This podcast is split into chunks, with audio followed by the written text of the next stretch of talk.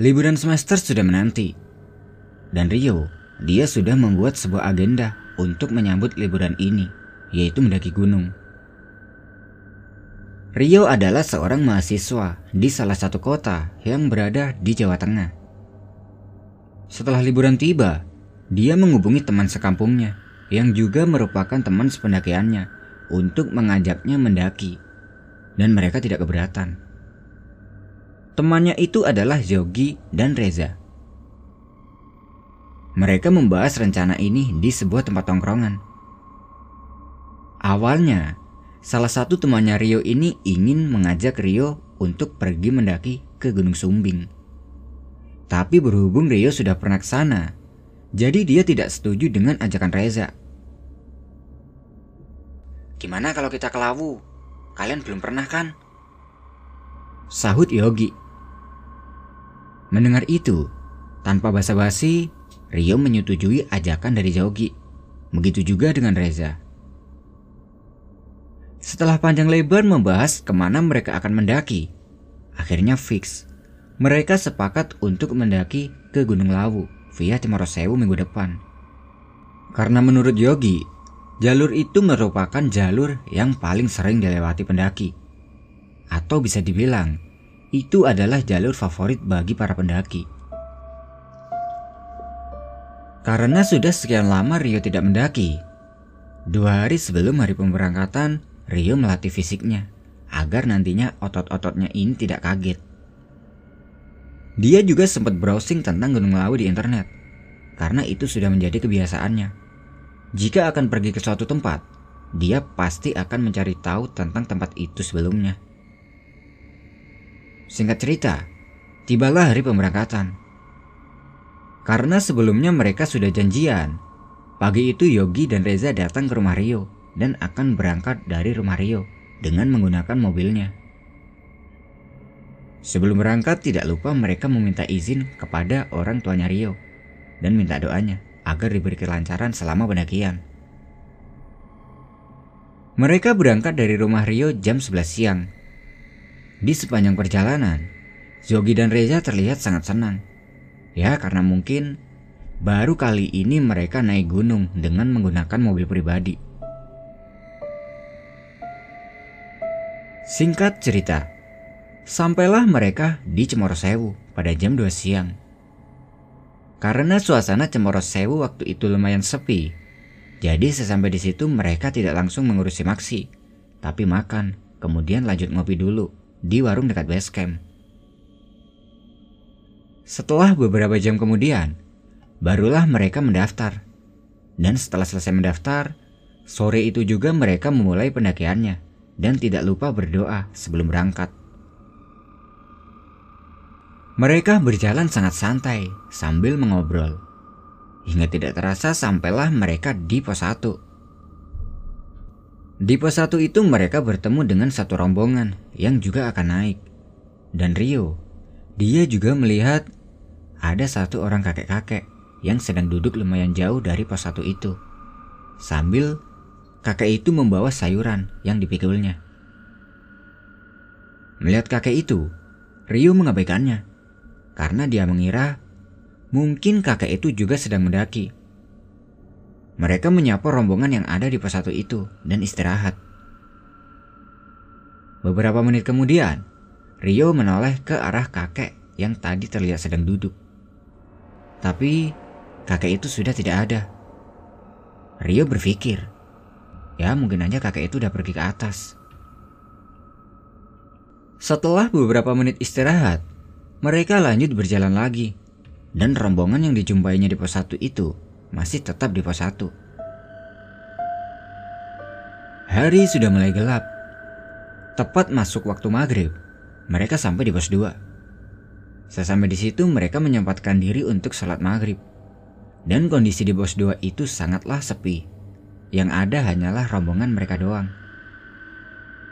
Nah, ketika sedang sholat itu, tepatnya ketika salam, Pas Rio mengucapkan salam dan menoleh ke kanan, dia melihat ada sosok kakek tadi yang dilihatnya.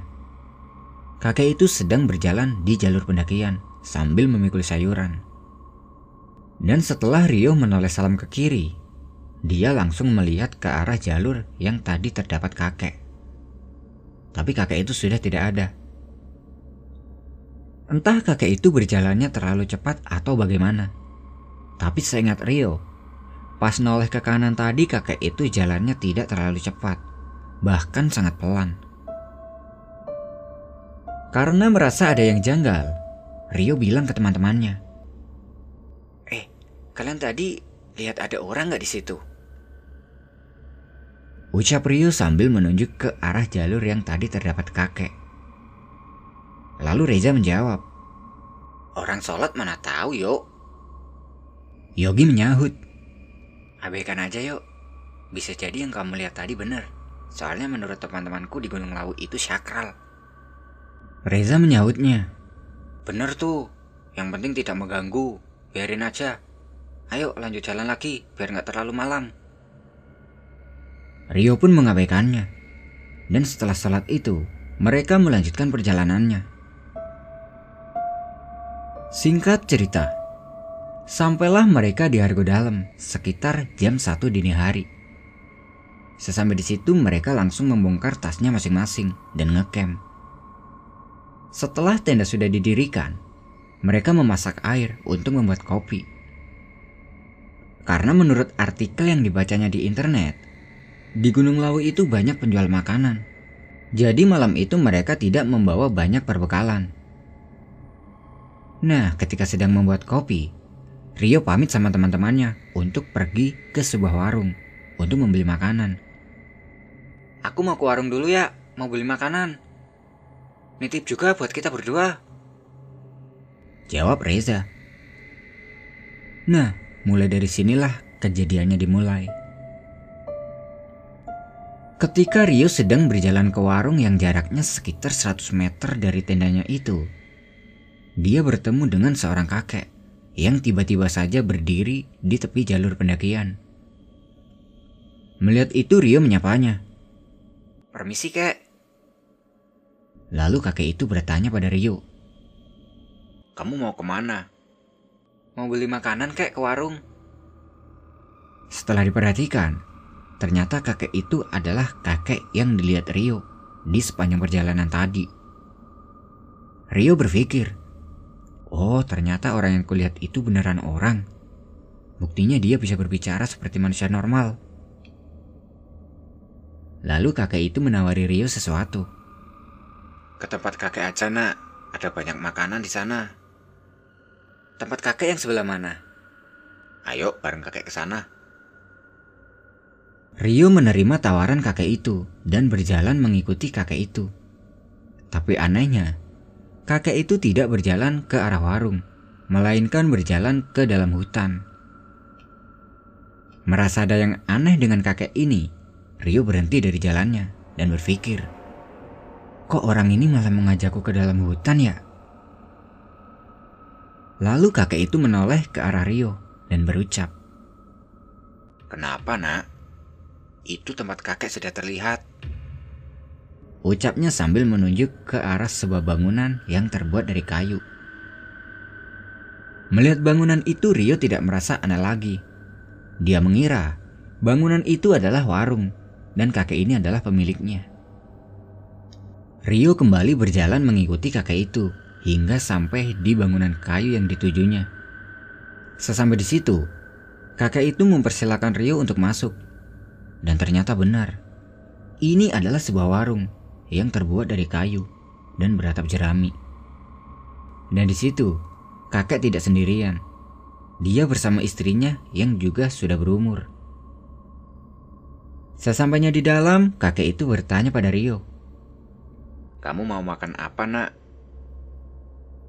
Karena menganggapnya itu adalah warung, Rio menjawab. Adanya makanan apa kek? Ada banyak. Kamu mau makan apa? Nasi pecel deh, kek. Ada kan? Lalu, kakek itu bilang sama istrinya untuk membuatkan Rio nasi pecel. Sambil menunggu nasi pecel jadi, Rio dan kakek mengobrol. Kamu ke sini sama siapa aja, nak? Sama dua orang teman, kek. Mereka sedang membuat kopi di tenda. Ya udah, Nanti kakek bungkusin nasi buat temanmu juga. Dalam hati Rio berkata, ternyata kakek ini orangnya baik dan ramah. Tidak lama kemudian, nenek mengantarkan nasi pecel yang sudah jadi untuk Rio. Lalu kakek itu juga meminta nenek untuk membuatkan kopi untuk mereka berdua. Setelah makanan sudah habis, Rio lanjut minum kopi buatan nenek tadi. Dan tidak lama kemudian, tiba-tiba Rio merasa ngantuk. Mungkin karena efek kekenyangan. Karena merasa dirinya ngantuk, Rio pamit sama kakek itu untuk kembali ke teman-temannya.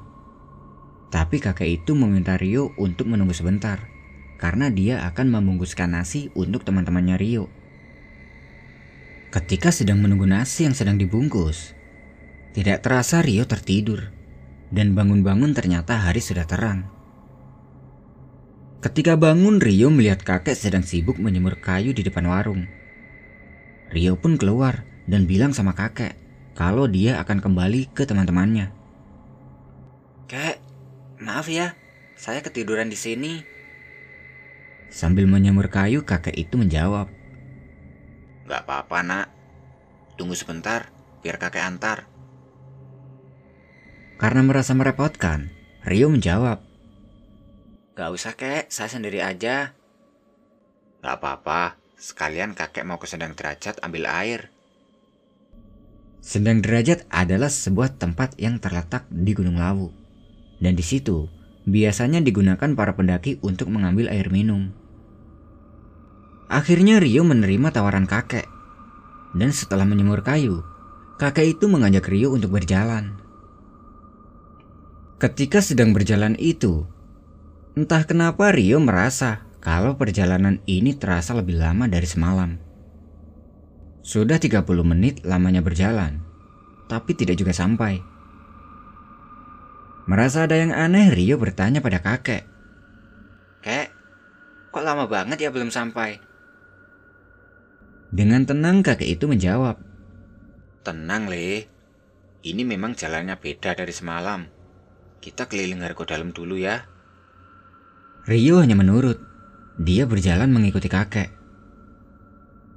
Tidak lama ketika sedang berjalan, Rio melihat ada banyak orang yang sedang beraktivitas jual beli layaknya di sebuah pasar. Melihat itu Rio tersentak, karena menurut artikel yang sebelumnya dibaca, bahwa di Gunung Lawu itu terdapat sebuah pasar gaib yang dinamakan Pasar Dieng. Dalam hati Rio bertanya-tanya, apa ini yang dinamakan Pasar Dieng? Kalau memang benar, berarti aku sedang berada di alam gaib dong. Kakek itu mengajak Rio berjalan menuju ke pasar itu dengan alasan dia mau beli sayuran untuk warungnya. Lalu Rio bertanya, Kek, itu beneran pasar ya? Benar, kakek biasa beli bahan makanan di sana. Rio pun berjalan di belakang kakek menuju ke pasar itu. Sesampainya di pasar, Rio merasa ada yang aneh karena semua orang yang ada di pasar itu Matanya tertuju ke Rio. Merasa ada yang aneh dengan orang-orang yang ada di situ. Rio bertanya pada kakek. Kek, orang-orang kok pada ngeliatin saya ya? Itu karena kamu orang baru dan mereka belum kenal. Rio pun menganggapnya begitu. Lalu, kakek mampir di salah satu penjual untuk membeli sayuran. Setelah dibeli, kakek itu membawa sayurannya sambil dipikul. Terlihat persis ketika awal Rio melihat kakek ini yang sedang memikul sayuran. Setelah membeli sayuran, mereka berjalan meninggalkan pasar itu. Lalu Rio bertanya pada kakek. Kakek, kakek melakukan kegiatan ini ya setiap hari? Ya, beginilah cuk kegiatan saya sehari-hari untuk menghidupi keluarga. Memangnya anak cucu kakek ke mana? Mereka sudah sibuk dengan urusannya sendiri-sendiri. Rio salut dengan perjuangan kakek ini. Karena di umurnya yang sudah begitu tua, dia masih berjuang demi menghidupi keluarganya. Dan seketika itu juga, tidak tahu kenapa, Rio ini lupa dengan kedua teman yang bersamanya, yaitu Reza dan Yogi. Setelah beberapa menit berjalan, kakek mengajak Rio untuk istirahat di sebuah pohon yang udaranya sangat sejuk. Di situ kakek mengeluarkan tembakau dan meraciknya hingga menjadi sebatang rokok, kemudian mengisapnya. Setelah tembakau yang dihisapnya itu sudah habis, kakek meraih sayurannya dan mengajak Rio lanjut berjalan menuju ke Sendang Derajat untuk mengambil air. Pelan-pelan, Rio berjalan mengimbangi langkah kakek yang terlihat sangat kelelahan. Karena tidak tega, Rio menawarkan dirinya untuk menggantikan kakek membawa sayur yang dipikulnya. Tapi kakek menolaknya dengan alasan dia masih kuat untuk membawanya sendiri. Lanjut berjalan menuju ke Sendang Derajat. Di tengah perjalanannya itu, mereka dihadang oleh seorang yang gagah perkasa. Orang itu mengenakan baju khas kerajaan. Melihat itu, kakek terlihat sedikit gugup. Dia menurunkan sayurannya dan bilang pada Rio, Cuk, kamu tunggu di sini dulu ya, jagain sayuran kakek. Iya kek, memangnya itu siapa kek? Tapi kakek tidak menjawab dan buru-buru menemui orang yang gagah perkasa itu. Rio melihat kakek sedang berdialog dengan orang itu, tanpa Rio tahu apa yang sedang dibicarakannya. Tidak lama kemudian, kakek kembali dan orang yang gagah perkasa itu pun pergi. Setelah kembali, Rio bertanya pada kakek. Kek, itu tadi siapa kek? Dia adalah sang raja. Udah, ayo lanjut jalan lagi.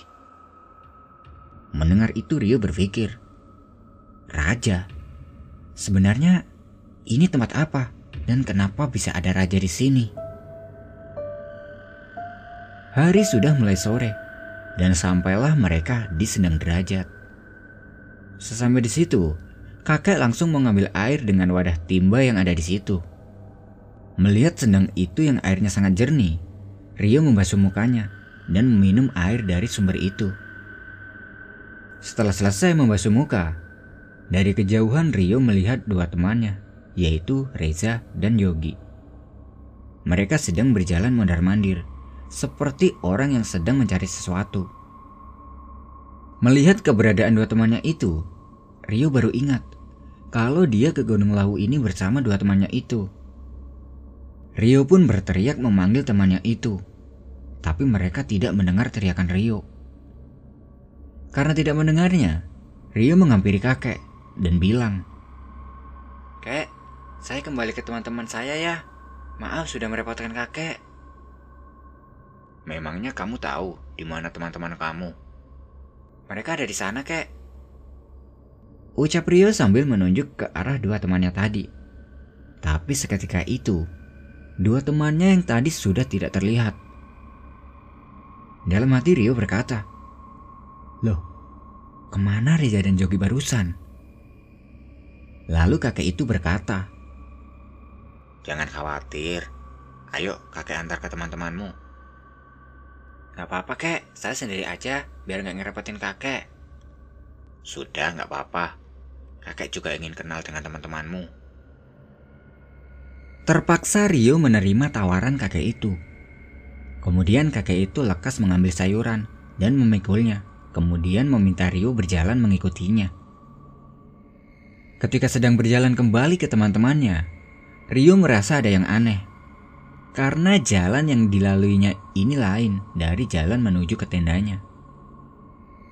Rio berucap, Kek, kok jalannya ke sini? Tenda saya kan ada di sana. Ucap Rio sambil menunjuk ke arah tenda tempat kayaknya semalam. Lalu kakek menjawab, Kamu sudah ditinggal. Ikutlah dengan kakek agar kamu bisa bertemu dengan teman-temanmu. Loh, memangnya mereka ke mana kek? Belum sampai kakek itu menjawab, Rio melihat kedua temannya itu sedang berjalan terburu-buru sambil menggendong ranselnya dan ranselnya Rio. Rio pun segera berjalan ke arah teman-temannya. Setelah sampai, mereka terlihat sangat terkejut dengan kedatangan Rio. Loh, yuk. Kamu ke mana aja? Kita nyariin kamu keliling Hargo Dalam tapi nggak ketemu loh. Tanya Reza dengan gugup. Lalu Rio menjawab. Iya maaf, aku seharian dari Hargo Dalam kok sama kakek. Kakek? Kakek siapa yuk? Itu. Jawab Rio sambil menunjuk ke arah kakek yang mengantarkannya tadi. Mana ada kakek-kakek yuk? Itu, dia berdiri di sebelah pohon. Mendengar penjelasan dari Rio, Yogi menyahutnya. Walah, untung kamu masih bisa balik yuk. Ya udahlah, yang penting sekarang kamu udah di sini. Ayo kita turun aja. Iya deh sebentar, aku pamit sama kakek dulu. Reza dan Yogi heran dengan semua perkataan Rio. Karena dia tidak melihat ada kakek di tempat yang ditunjuk Rio itu. Lalu Rio mengajak kedua temannya berjalan ke arah kakek yang sedang berdiri itu untuk pamit. Kek, saya pulang dulu ya. Terima kasih sudah mengantarkan saya kembali ke teman-teman saya. Kakek itu hanya mengangguk dan tersenyum. Kedua temannya terlihat heran dengan tingkah laku Rio. Setelah pamit itu, mereka bergegas turun hingga sampai di base camp dan langsung cabut pulang. Di perjalanan pulang, Reza dan Yogi menceritakan kejadian yang sebenarnya kepada Rio. Ternyata, sejak semalam Rio pamit dengan kedua temannya untuk pergi ke warung itu, Rio tidak kembali ke tenda. Setelah sekian lama menunggu Rio, kedua temannya ini tertidur hingga pagi hari. Karena pagi itu Rio belum juga kembali ke tendanya, Akhirnya Reza dan Jogi mencari Rio keliling Hargo Dalam, tapi mereka tidak menemukan Rio. Karena khawatir, Reza dan Yogi bergegas turun untuk melapor bahwa mereka kehilangan temannya. Tapi sebelum sampai di bawah, tiba-tiba Rio muncul dari arah hutan. Ternyata dalam pandangan teman-temannya, kakek yang dipamiti Rio itu adalah seekor burung jalak yang hinggap di ranting semak. Mendengar penjelasan dari teman-temannya, Rio benar-benar heran. Dan yang membuat Rio semakin heran lagi adalah soal waktu. Waktu itu Rio bersama kakek itu seharian penuh. Dan ketika Rio berada di sendang derajat itu adalah sore. Tapi setelah bertemu dengan teman-temannya, ternyata itu masih pagi. Singkat cerita, sampailah mereka di rumah. Selama di rumah itu, Ryu terus terbayang-bayang soal kejadian yang dialaminya di Gunung Lawu waktu itu. Bahkan, sosok kakek itu sering muncul di dalam mimpi Rio. Seakan-akan kakek itu menginginkan Rio agar kembali ke Gunung Lawu lagi. Keadaan ini benar-benar membuat Rio tidak nyaman menjalani hari-harinya. Hingga akhirnya, Rio datang ke seseorang yang tahu tentang hal semacam ini. Ternyata benar. Menurut seorang yang didatanginya, waktu itu Rio telah dituntun kakek itu masuk ke alam gaib. Dan kakek itu menginginkan Rio agar datang kembali ke Gunung Lawu. Sosok kakek itu tidak ada niat mencelakai Rio. Dia menganggap Rio sebagai cucunya sendiri, sehingga dia menginginkan Rio untuk datang lagi ke sana. Orang itu memberi Rio sebuah amalan agar sosok kakek itu tidak lagi mengganggu Rio. Setelah sekitar tujuh hari amalan itu dijalankan Rio, Rio sudah tidak lagi dibayang-bayangi oleh sosok kakek dari Gunung Lawu itu. Dan hingga saat ini, Rio tidak berani mendaki ke Gunung Lawu lagi